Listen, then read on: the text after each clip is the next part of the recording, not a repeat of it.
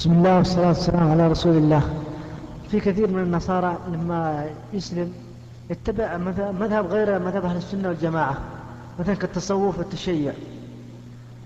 هل يعني نكفره بأنه دخل مذهب غير أهل السنة أم ننظر إليه حسب الفرق الذي دخل فيها؟ لا إذا أسلم وانتمى إلى الإسلام ثم اتخذ نحلة مبتدعة فإننا نعطيه حكم أهل هذه النحلة إن كانت البدعة مكفرة فهو كافر ولن ينفعه انتقاله من النصرانية إلى هذه البدعة المكفرة. وإن كانت لا تكفر فإنه لا يكفر.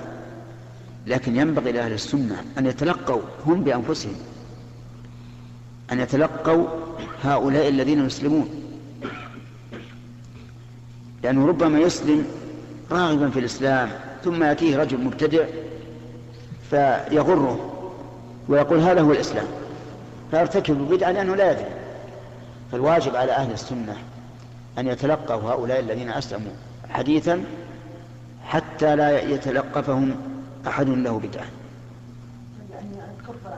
لكن كما قلت لك إذا إذا انتحل بدعة, بدعة مكفرة فله حكم أصحابها. وإذا انتحل بدعة غير مكفرة فله حكم أصحابها. لكن قد يقال إن هذا النصراني الذي لا يعرف عن الإسلام شيئا قد يقال إن بدعته التي ارتكبها وهي مكفرة ارتكبها عن جهل. فنعلمه أولا بأن من انتحله غير صحيح ثم إذا أصر حكم له بحكم أهل هذه البدعة. نعم.